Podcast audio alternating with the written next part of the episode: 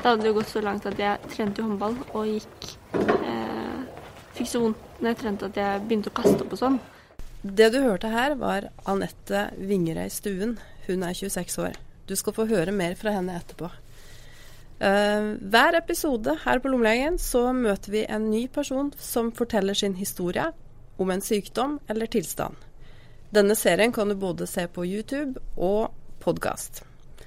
I studio så har vi to faste gjester. Dere kan få introdusere dere selv. Ja, mitt navn er uh, Naim Sahid. Jeg er uh, kirurg og jobber nå i Telenor med e-helse. Jeg heter Wasim Saeed. Jeg er lege og spesialist i hjerte. Jeg er overlege på Drammen sykehus. Og den større og klokere broren til Naim. ja vel, ja. Der er vi i dag. og jeg heter Elisabeth Lofthus, og jeg er redaktør på Lommelegen og utdannet sykepleier. Men så går vi tilbake til Anette og hører mer om det hun skal fortelle oss. Eh, da var jeg 14 eh, første gang jeg fikk magesmerter. da. Mm.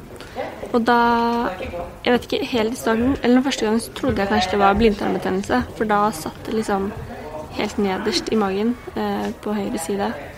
Eh, men så gikk det jo over igjen, og så utviklet det seg til litt mer sånn diffuse magesmerter som satt ikke noe konkret sted, men det var bare vondt i magen. Mm. Hva gjorde, gjorde, du noe med dette da? Ikke helt i starten. Eh, først så tenkte jeg liksom sånn det går sikkert over. Eh, jeg har bare litt vondt i magen. Det er ikke noe stort problem. Og så når jeg sa det til foreldrene mine og sånn, så var det mer sånn spørsmål om eh, jeg gruet meg til skolen, eller jeg hadde det bra, eller om det var noe som plaget meg sånn sett. Hadde du flere problemer enn bare vondt i magen? Eh, ja, jeg hadde jo eh, mye diaré, gikk mye på do ofte. Eh, og jeg hadde jo blod og en del slim i avføringen. Hva sa legen da du først kom til legen? Eh, jeg husker ikke helt hva han liksom sa. Vi begynte vel å ta en del sånn eh, allergiprøver og sånn, om jeg hadde cøliaki eller eh, var allergisk mot noe annet. Det hadde jo gått så langt at jeg trente håndball og gikk eh, Fikk så vondt når jeg trente at jeg begynte å kaste opp og sånn. Eh, men han henviste meg jo videre til undersøkelser eh, uten at de fant noe der, da. Jeg var til eh, ultralyd eh, og røntgen av magen. Eh, og MR av magen, tror jeg. Eh, og MR tror jeg gjorde flere ganger, så det var liksom sånne, sånne undersøkelser som jeg ble henvist videre til. Eh, hvor lang tid tok det før de fant ut av noe? det tok nesten et år. Eh, tror jeg dro til legen sånn i februar, og i desember fant de ut hva det var da. Og da var det én en enkel prøve?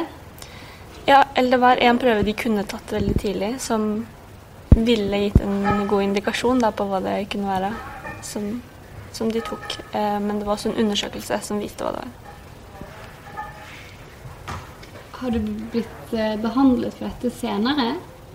Ja, da startet jeg med medisiner med en gang. Eh, og etter et halvt år så ble jeg operert. Og så har jeg jo gått på en del forskjellige medisiner eh, etter det, da. Eh, det var vel ingen tvil om at det eh, Anette fortalte om her, handla om magen. Eller tar jeg helt feil? Ja, Wasim. Eh, dette her høres ut som eh, mage-tarmsystemet. At ja. det er et eller annet med fordøyelsen som gjør at hun har uh, sine plager.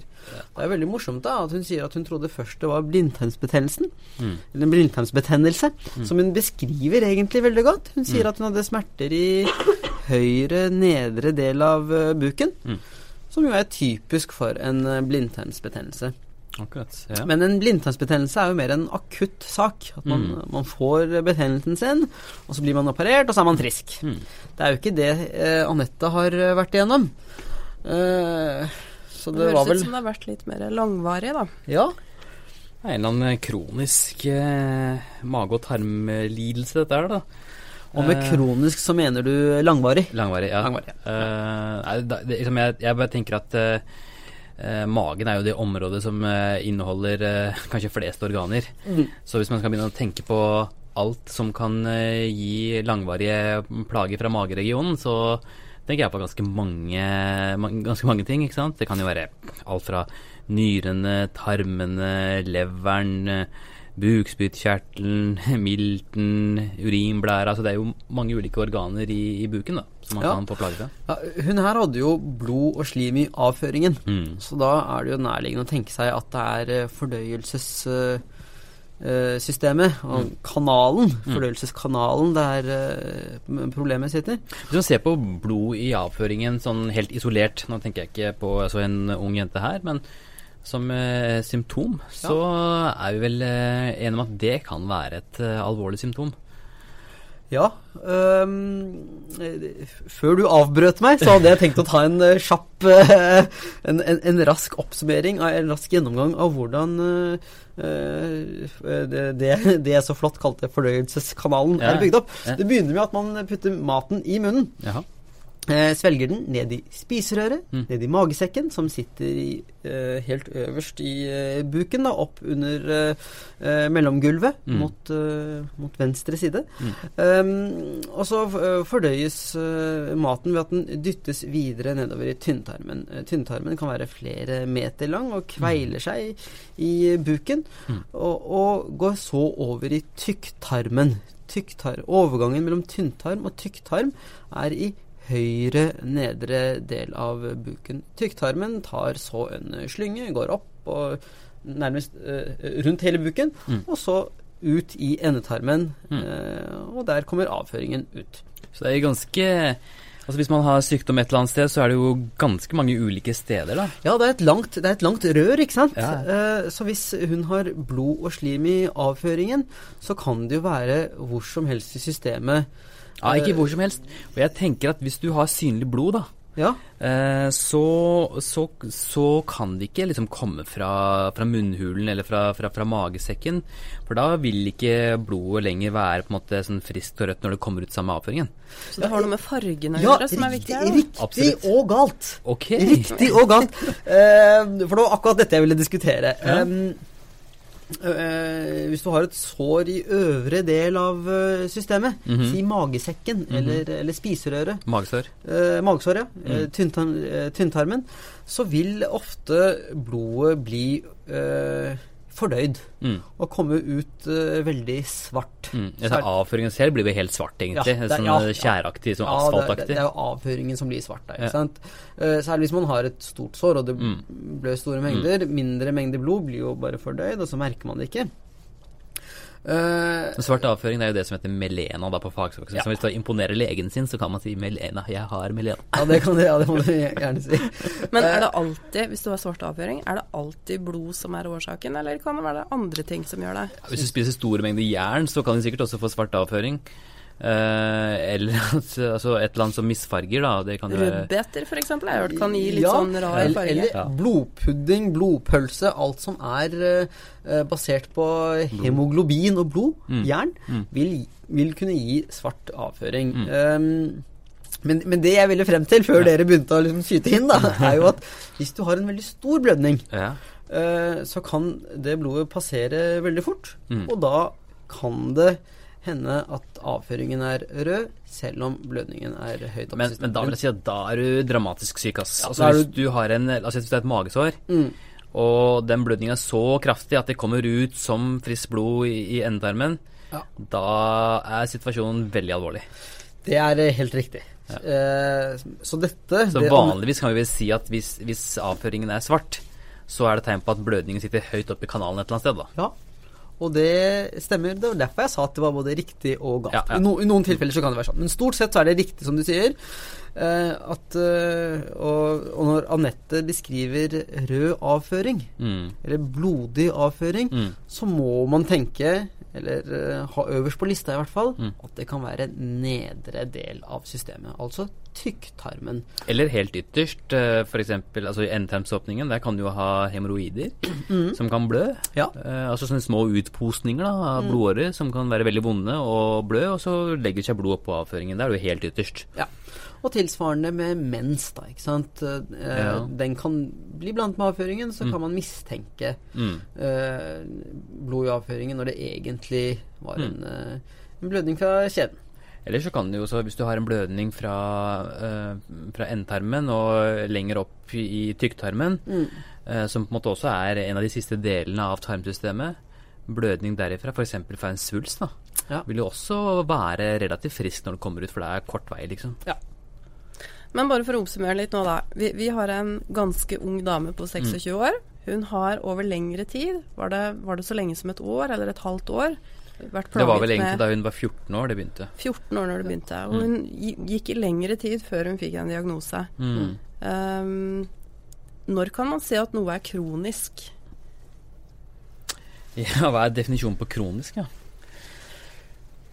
For er, er det sånn at man da tenker at dette er en kronisk magesykdom, eller hva, hva tenker Altså? Uten at jeg klarer å sette helt sånn der definisjon på hva som er når det går over til en kronisk, så vil jeg i hvert fall si det sånn som hun beskriver det her. Det Er tydelig at det er gått over i flere måneder, kanskje til og med flere år, så er det i hvert fall kronisk, vil jeg si. Altså Hvis du har smerter som varer mer enn én uke, Aha. så ville jeg eh, ikke kalt det for akutte smerter lenger. For da Ja. har det jo vart en stund allerede. Ja. Men, men ett år, da er det jo ikke Ja, noen definisjons... Da er det jo ikke noe å diskutere lenger. Nei. Dette er jo en langvarig eh, problemstilling. Hun hadde jo eh, diffuse magesmerter, kom og gikk litt, og det var litt usikkert hva det var. Um, Vet du, jeg har sett pasienter som har vært i, eh, i utlandet. Ja. Uh, sånne litt sånn eksotiske strøk, Ja. tropiske områder, og komme hjem med kraftig diaré. De kan også ha blod og slim i avføringen. Ja. Men hun har jo ikke vært noe sted. Ikke, det kommer i hvert fall ikke frem. Det, det, hun sa jo bare at hun spilte håndball, og på en måte hun var her i Norge. da. Og det er ikke så vanlig med den type ting her i Norge, kanskje. en blodig turistdiaré, eller, Mm. eh, eller om hun hadde fått i seg noen bakterier i, i mat hun hadde spist, hadde eh, vil også kunne gi magesmerter eh, og blod i avføringen. Men ofte er bildet da litt grann mer dramatisk. Ja. Eh, I hvert fall veldig, kan være mer akutt. Og så vil jeg også si at eh, eh, hvis vi skal snakke sånn spesifikt om henne, da Hun er i tenårene. Og, og da er vel eh, en årsak som jeg nevnte tidligere, altså en svulst eller kreft, veldig uvanlig.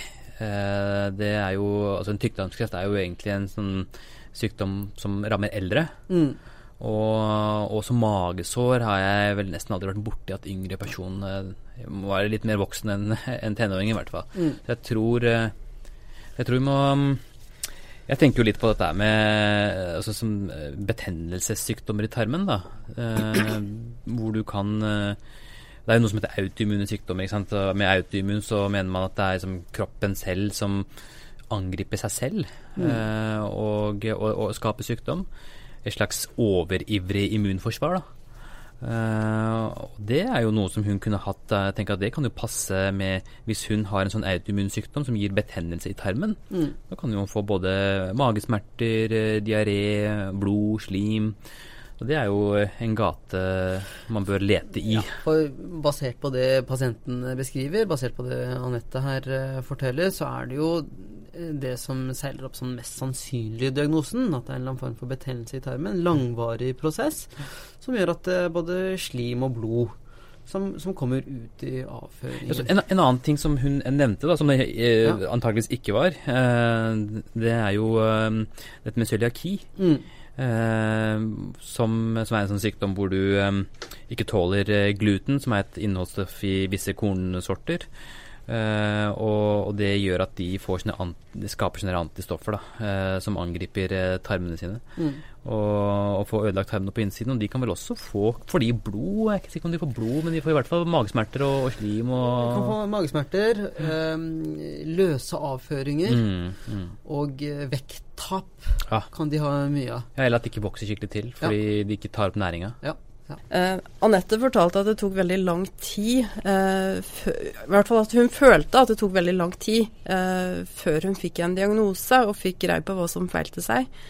Eh, er dette litt sånn klassisk i forhold til en del mageproblematikk? Og det kan ta litt lang tid å, å diagnostisere? Nå, nå er jo sykehistorien hennes, eh, som har vart i ett til to år, Mm. eh, kokt ned til en eh, filmsnutt på to minutter. Mm, mm. Um, Eh, men, men basert på det hun beskriver, så er det jo to ting man må gjøre her. Mm. Eh, de tingene som allerede er gjort, er bra. Ultralyd, eh, eh, røntgenbilder etc. MR, det er bra. Men det hun definitivt trenger, er jo en avføringsprøve som Mm. kan avsløre betennelsesgrad i tarmen. Mm. Og at man faktisk titter inn i tarmen. Mm. Gjøre en koloskopi. Dette er en ung jente, eh, og en koloskopi er egentlig en kan være en påkjenning. Mm. Ikke sant? Man må, må være fastende, man må tømme tarmen, Mm. og selve undersøkelsen kan være både ubehagelig og vond. Eh, og tidvis har man kanskje eh, en tendens til å forsøke å skåne pasienten for en sånn undersøkelse. Men basert på det hun beskriver nå, så, så er det helt på sin plass å gjennomføre en eh, koloskopi. En eh, kameraundersøkelse av tykktarmen. uh, uavhengig av uh, ung alder etc. Jeg tenker på spørsmålet ditt. Altså, uh, det at det tar så lang tid, eh, det er jo eh, Jeg tror mange har en tendens til å tenke at uh, har man en sykdom, vel så er tegnene og symptomene klare, og det gjelder å ta de og de testene, så får man diagnosen. Men, uh, men sykdommer er jo veldig Opptrer i varierende grad. Uh, oppfører seg annerledes i løpet av den tiden man er syk. Uh, og så er det ikke sikkert at uh, sykdommen er en slik art at den kan fanges opp av de vanlige prøvene. Eh, så det er ganske mange ting som på en måte kan eh, Og det kan jo også hende at uh, måten pasienten har uh, formidlet plagene sine på til legen, uh, ikke har vært helt typisk for en tilstand, eller at legen ikke har forstått det ordentlig. Så det er en del sånne mekanismer som kan gjøre at det kan ofte ta litt tid. Da. Og Spesielt med magesmerter så er det jo som sagt det er ganske mange ulike ting som kan ramme magen. Og, og der må man jo gå frem litt sånn i tur og orden og ta kanskje én og én ting av gangen da, og gjøre en skikkelig jobb.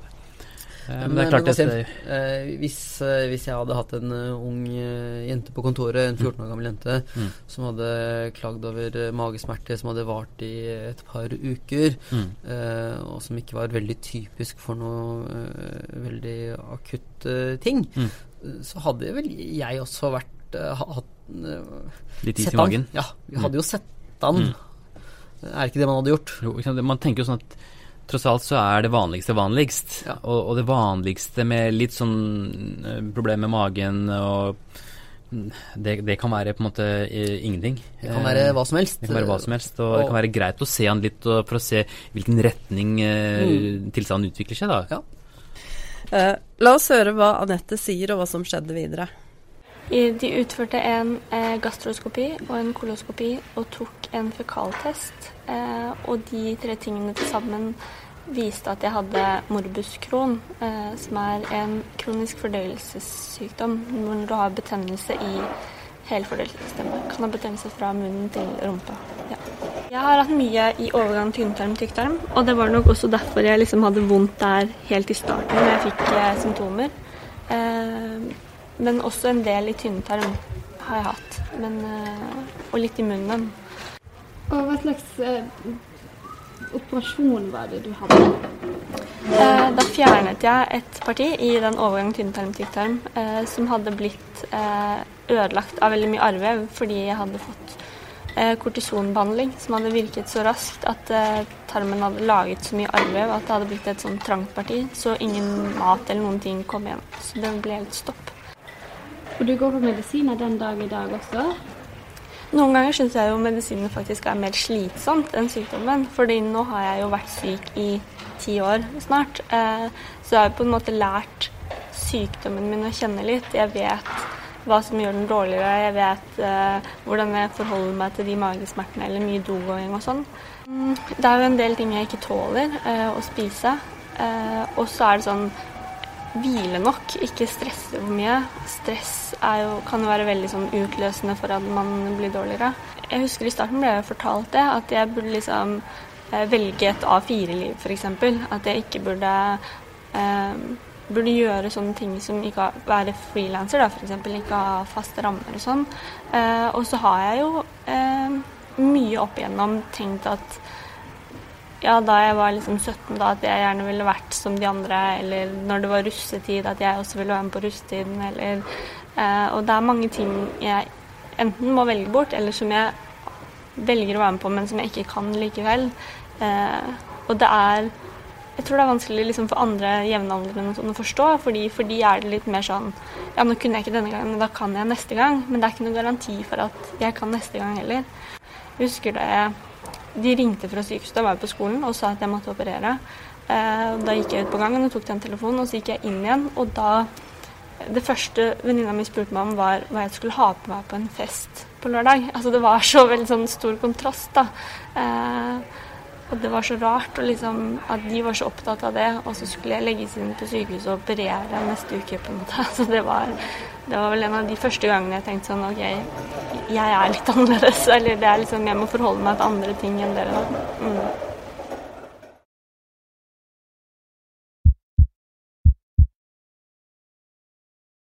Eh, ja, nå fortalte Anette at sykdommen var morbus Crohn. Eh, hva er det? Ja, Wasim, du som er så mye smartere enn meg. Morbus Crohn, det er jo en, eh, en betennelsestilstand i eh, mage-tarmsystemet.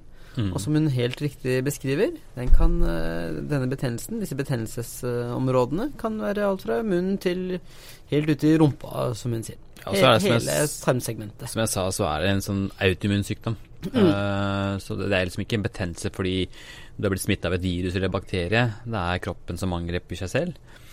Og, eh, og gjør at eh, tarmen blir betent og, og hoven og vond. Og, da kan man blø ut i avføringen, produsere slim fordi den er irritert. Og så er det selvfølgelig veldig vondt, da. Um, Pasienter med morbus Crohn må jo ofte opereres. Eh, De får jo for det første medisiner for å dempe betennelsen. Eh, hos de fleste så er, hjelper det, og det går bra.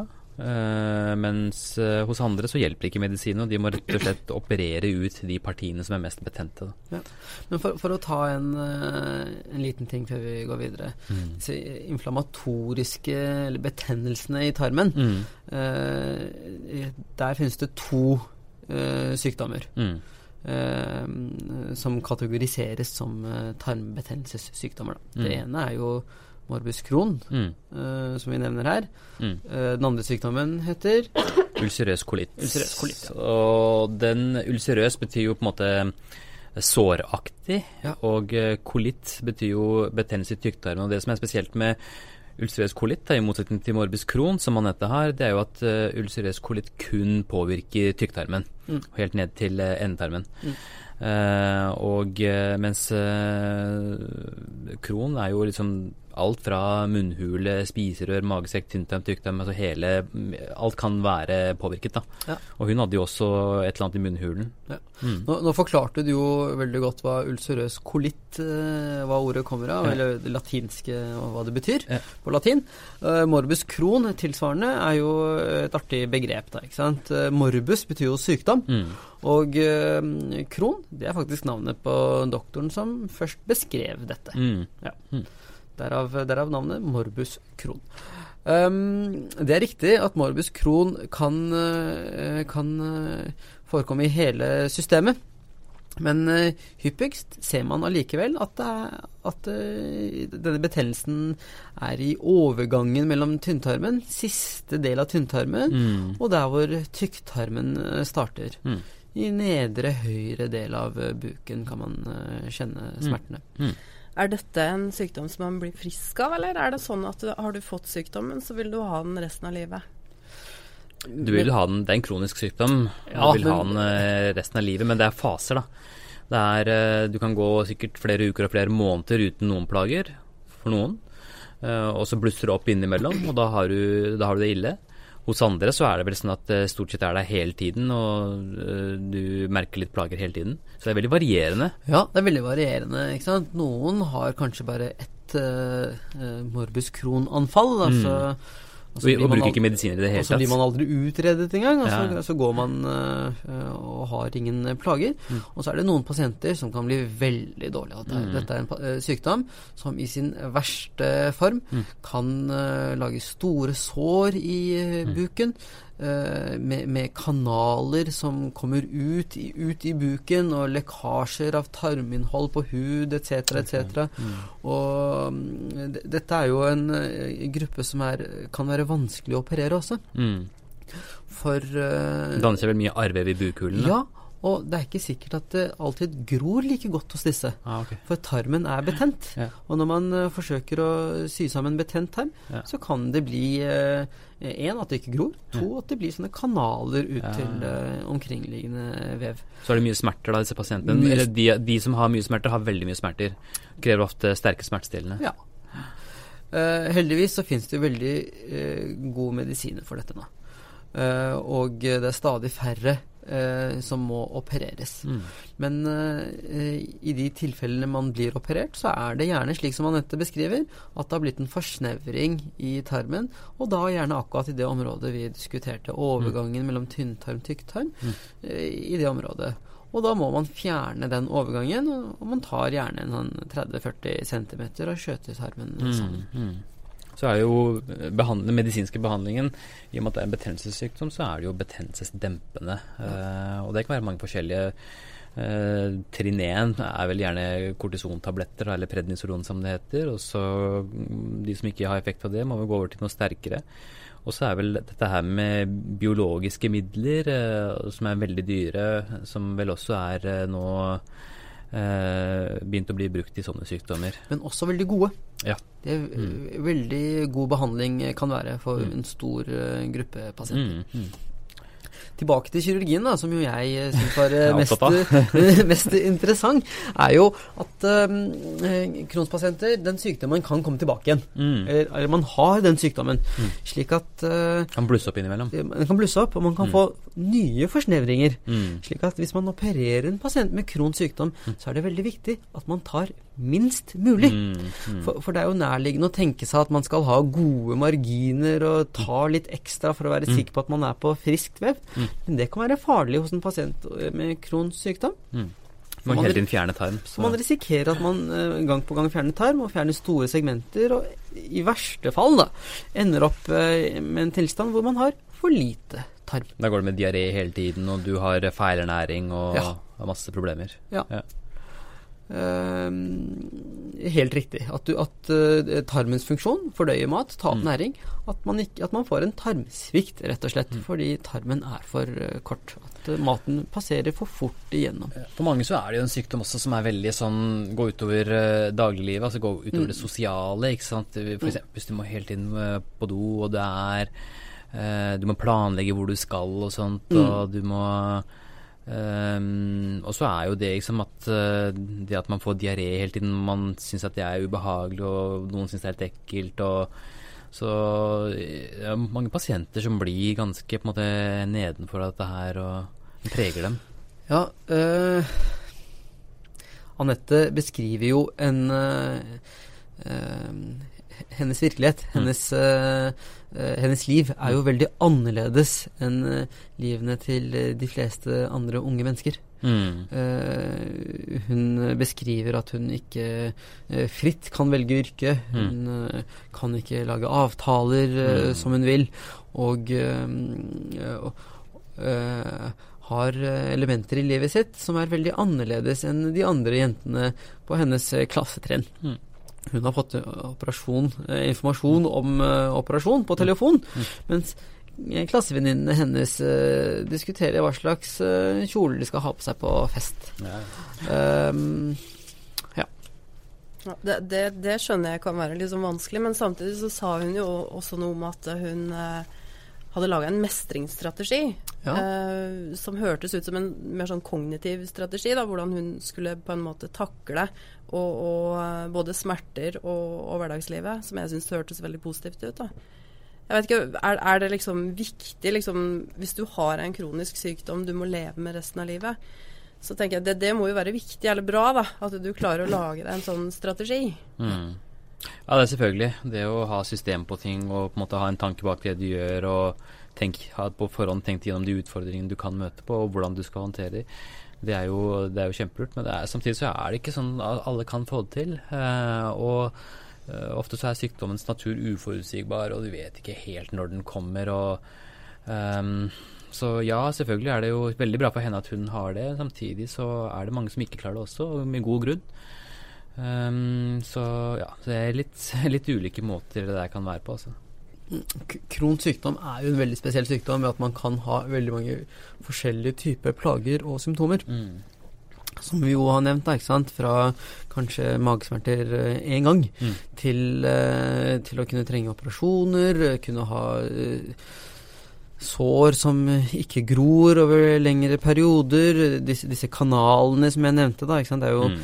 eh, nesten litt typisk for, um, for Crohns sykdom at man kan få eh, kanaler fra eh, tarmen og ut til huden, til andre mm. tarmsegmenter. Det er det som heter fistler? Ja, det som heter fistler, ja.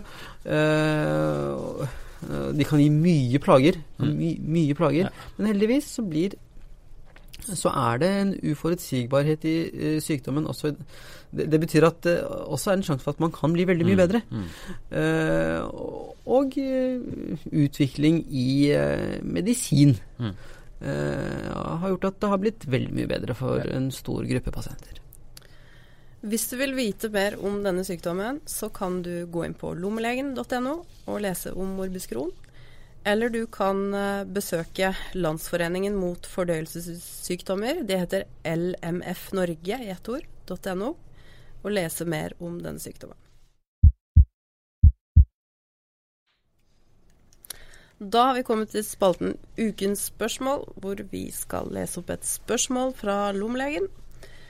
Og i dag så har jeg funnet et spørsmål fra en dame på 38 år. Um, og hun skriver at for noen dager siden fikk jeg plutselig svært vondt på innsiden av underarmen. Det kjennes ut som om noe rett under huden er superstramt og svært ømt. Det strakk seg fra innsiden av håndleddet opp til innsiden av albuen. Nå har det dukket opp en rød strek også. Veldig ømt og vondt å ta på og ved bevegelse av hånden. Litt hevelse i området der det er rødt kjenner jeg blir litt stressa av dette og lurer på om eh, dere har noen formening hva dette kan være, og om jeg bør oppsøke fastlegen. Jeg er redd for at noe er galt med blodåra mi. Håper dere har noen gode råd. Hva tenker dere? Jeg tenker at hun skal oppsøke fastlegen, ja. For uh, dette er jo tydeligvis noe som uh, plager henne. Det er vondt. Men det er også og kan veldig, behandling. Eh, kan være veldig typisk for en eh, spesiell og bestemt sykdom, mm. Wasim. Mm. Vi tenker jo gjerne eh, For meg så høres dette ut som en betennelse mm. i en lymfekanal. Eh, ja. Lymfeåre. Eh, Lymfangitt, da. Lymfangitt, ja. Mm. Det er den typiske streken som strekker seg oppover uh, langs uh, armen. Men, men, da må jeg bare spørre, for det har nemlig jeg hørt. I mm. hvert fall når jeg var liten, så hørte jeg det. At hvis du får en sånn strek, så, så får du en blodforgiftning. Og hvis den fortsetter helt i hjertet, da dør du. ja. er, er, dette riktig? Det, den er det mange andre som også har hørt. Og um, Vet du hva? Jeg tror det er en liten, eh, liten grad av sannhet i det, faktisk. Mm -hmm. for, eh, for, man har jo lymfeknuter eh, langs hele armen, og så har man lymfeknutestasjoner. Mm. Den største lymfeknutestasjonen vil jo være i armhulen, da, mm. på overarmen. Og det lymfeknutestasjonene gjør, er jo å slå ned infeksjoner. Mm. Hvis du har en så hissig infeksjon i en eh, lymfeåre, at den strekker seg forbi alle disse lymfeknutene og forbi den store lymfeknutestasjonen som er i albuen, mm. og faktisk kommer helt inn til hjertet, mm. ja, det må være en mm. veldig hissig, en veldig kraftig infeksjon. Uh, og da kan man bli Da er man jo alvorlig syk. Samtidig som det må sies da at det er jo altså Hvis man snakker om lymfangitt så er det jo veldig veldig sjeldent at man uh, blir så syk at det blir så alvorlig. Nei, ikke sant. Uh, så, så vanligvis det tilhører, er det en infeksjon. Det tilhører vel sjeldenhetene, da. ikke sant? Ja, vanligvis er det en infeksjon. Hvorfor, hvorfor, får man en sånn infeksjon? Altså, jeg vil jo tro at uh, at hun kanskje har et eller annet sår på hånda, da, som har vært en mm. inngangsport for en bakterie. Og at den bakterien, eller de bakteriene da har formert seg og spredd seg til en lymfeåre. Eh, og lymfeårene de er jo sånn at, eh, sånn som Neim forklarte, at de går jo fra, liksom, fra utkanten av kroppen og, og innover. Eh, så da vil også en eventuell infeksjon på en måte spre seg langs den som en stripe innover. Da. En annen ting som det også kan være, det er jo eh, det som heter eh, tromboflebitt. Altså mm. ikke betennelse i en lymfeåre, men i en vanlig blodåre, en ja. vene. Eh, hvor blodet av en eller annen grunn har bare levra seg, og det blir ømt og vondt og hovent eh, og rødt, det også. Mm. Um, så, men, men, det at det på en måte strekker seg så langt og helt opp til albuen, det er jo Da tenker jeg mer på lymfangitt for henne, på hennes del. Ja. Eller kanskje bare et kloremerke? Ja, kan, kan være det. Nei, jeg syns, jeg syns, hun eh, skal inn til fastlegen sin, ja, og mm. uh, jeg mistenker at hun mest sannsynlig kommer til å få antibiotika, helt ja. vanlig penicillin, mm. uh, en uke, ti dager. Mm. For å drepe bakteriene. Ja. Mm. Så røde striper som vokser og blir lengre, mm. oppsøk lege. Absolutt. Ja, ja det, det, som regel så går jo dette her veldig fort. Ja. Uh, den streken uh, blir jo bare lenger og lenger. Og uh, jeg tipper hun sikkert oppsøkte legen dagen etter at hun skrev det. Ja. Før hun fikk svaret fra dere. Det var jo litt synd, da. det kan nok Men vi får, tro, vi får tro hun fikk rask hjelp. Hva er forresten behandling? Er det antibiotika? Ja, Det må jo være det hvis jeg mistenker at det er en bakterie som har spredt seg. Som, som, regel så er det jo ja. hudbakterier som mm. smetter inn av en eller annen grunn. Mm. Gjerne et sår. Uh, og de kan man ta med mm. antibiotika. Ja. Ok.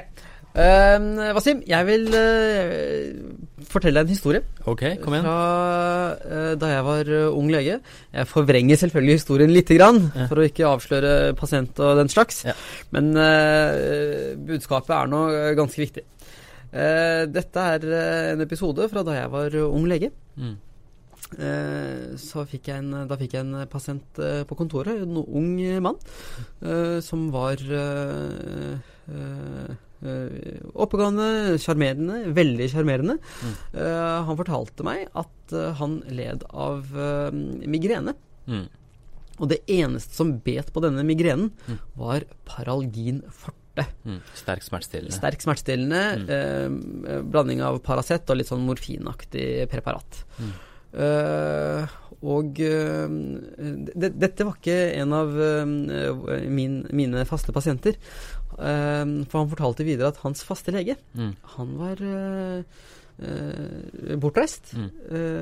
slik at han måtte komme til meg, et sted han var ukjent, og måtte ha en stor forordning av en, en stor resept på Paralgin forte fordi han skulle på en reise til Latin-Amerika. Mm. Og der stolte han ikke på legene og uh, apotekene og ville helst ha norske medisiner. Mm. Um, jeg var ung, naiv og lot meg sjarmere og stolte på denne pasienten. Uh, og skrev ut faktisk en uh, veldig stor pakke Paralgin-forte. Mm. Når jeg ser tilbake på det nå, mm. så skjønner jeg at jeg mest sannsynlig ble lurt. Mm -hmm den, den, trekanten, ikke sant, mm. med at uh, han har en uvanlig sykdom. Mm. Greit nok, uh, migrene er vanlig, men at det er kun paralgin farte som biter mm. på den uh, sykdommen hans. Det at hans faste lege, som kjenner han godt, er utilgjengelig, mm. og at han skal på en, en lengre reise, slik at han må ha en, en stor forordning, mm. det er jo Det, det er blålys og rødlys. Det er varsellamper, ja. På at uh, på dette er mer enn vanlig forbruk. Mm. Uh, dette, er jo, dette, er jo, misbruk. Mm. Um, og, og, det ser vi ofte. Pasienter som utvikler um, en uh, Eh, avhengighet, da. avhengighet for, eh, for vanedannende medisiner. Mm. Mm. Eh, ofte fordi de har hatt eh, helt legitime sykdommer i bunn, mm. som har krevd at de trenger disse sterke medisinene eh, for større og større doser og lengre perioder, slik at de etter hvert blir avhengige. Og så er det ikke lenger mulig, i hvert fall ikke for eh, legen, å, mm.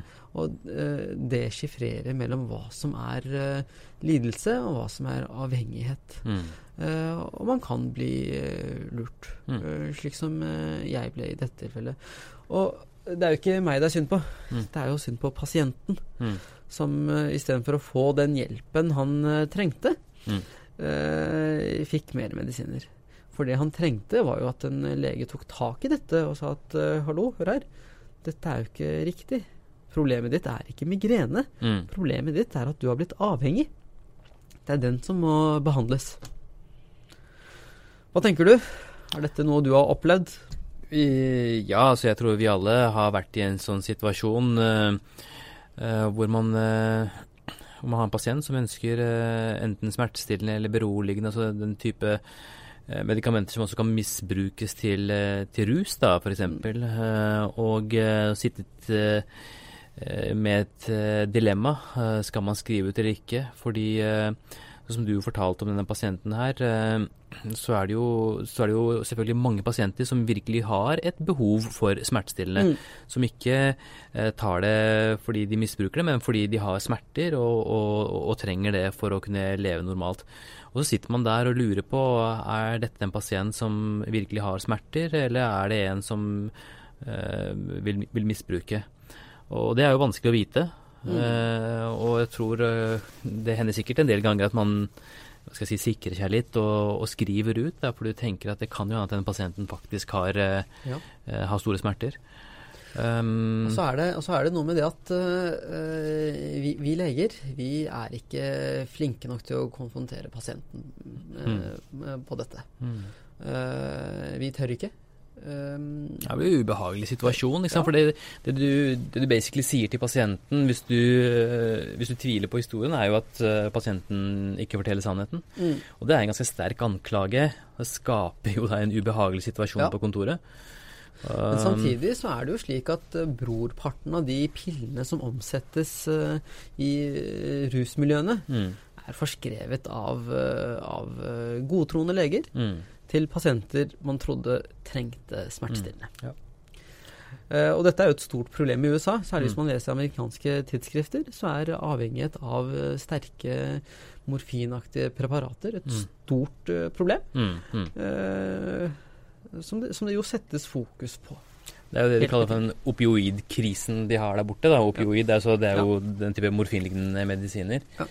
Hvor uh, mange har blitt satt på det og har blitt uh, avhengig, og fortsetter å få det. Uh, en annen opioidkrise da, som det ikke er så mye fokus på, det er jo at selv om morfin mm. er et relativt billig preparat, og, og, må sies svært effektivt ved sterke smerter, f.eks. kreftpasienter som har spredning til skjelettet. De har jo veldig stor lindring og god lindring av morfinlignende medisiner.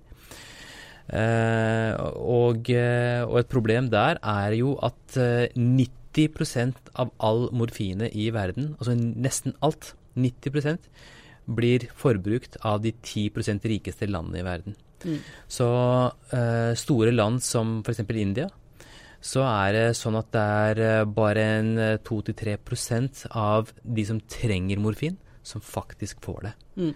I Nigeria, som også har et par hundre millioner innbyggere, så er det bare en halv prosent av de som trenger morfin, som faktisk får det. Fordi forbruket er så stort i helt andre eh, deler av verden. Mm. Eh, og, så har det også noe med, med pris og, og, og, salg og sånt å gjøre. Eh, så det er jo på en måte en annen side av den opoid-krisen. Ja, du beskriver en helt annen virkelighet. For i, i Vesten så blir jo morfin ansett som et ganske billig mm. eh, preparat. Mm. I motsetning til disse mer moderne, syntetiske smertestillende som kan være litt dyrere. Mm. Yes, nei, men det er uh, noe å tenke på, det. det mm. Prøve å Kanskje man skulle være flink, flinkere til å ta opp. Det kan jo også hende at en del pasienter som går rundt og hva skal jeg si, har et slags misbruk, eh, gjerne vil bli kvitt det misbruket også, og vil at legen skal ta det opp og, og snakke om det, slik at de får liksom, hva skal jeg si, lettet skuldrene sine, får den byrden av skuldrene sine. Så vi bør jo kanskje være flinkere til å ta det opp. Altså Hvis man får dem av den avhengigheten, mm. så blir det jo veldig mye bedre. Mm. Mm. Hvis det var et tips til noe vi bør eh, snakke om i denne serien, eller en tilbakemelding til oss, så kan du sende oss en melding på Lommelegen sin Facebook-side, eller du kan sende et tips på mail til meg til, til Elisabeth, krøllalfa.lommelegen.no. Og hvis du har et spørsmål om helse eller symptom, så kan du alltids eh, spørre legespesialister og leger på lommelegen.no. Der kan du være helt anonym. Eh, og ikke å glemme, gå til fastlegen hvis du har et ø, viktig problem. I denne episoden hørte du legene og brødrene Wasim Saeed, Naim Saeed. Produsent var Marie Røsland. Og jeg heter Elisabeth Lofthus.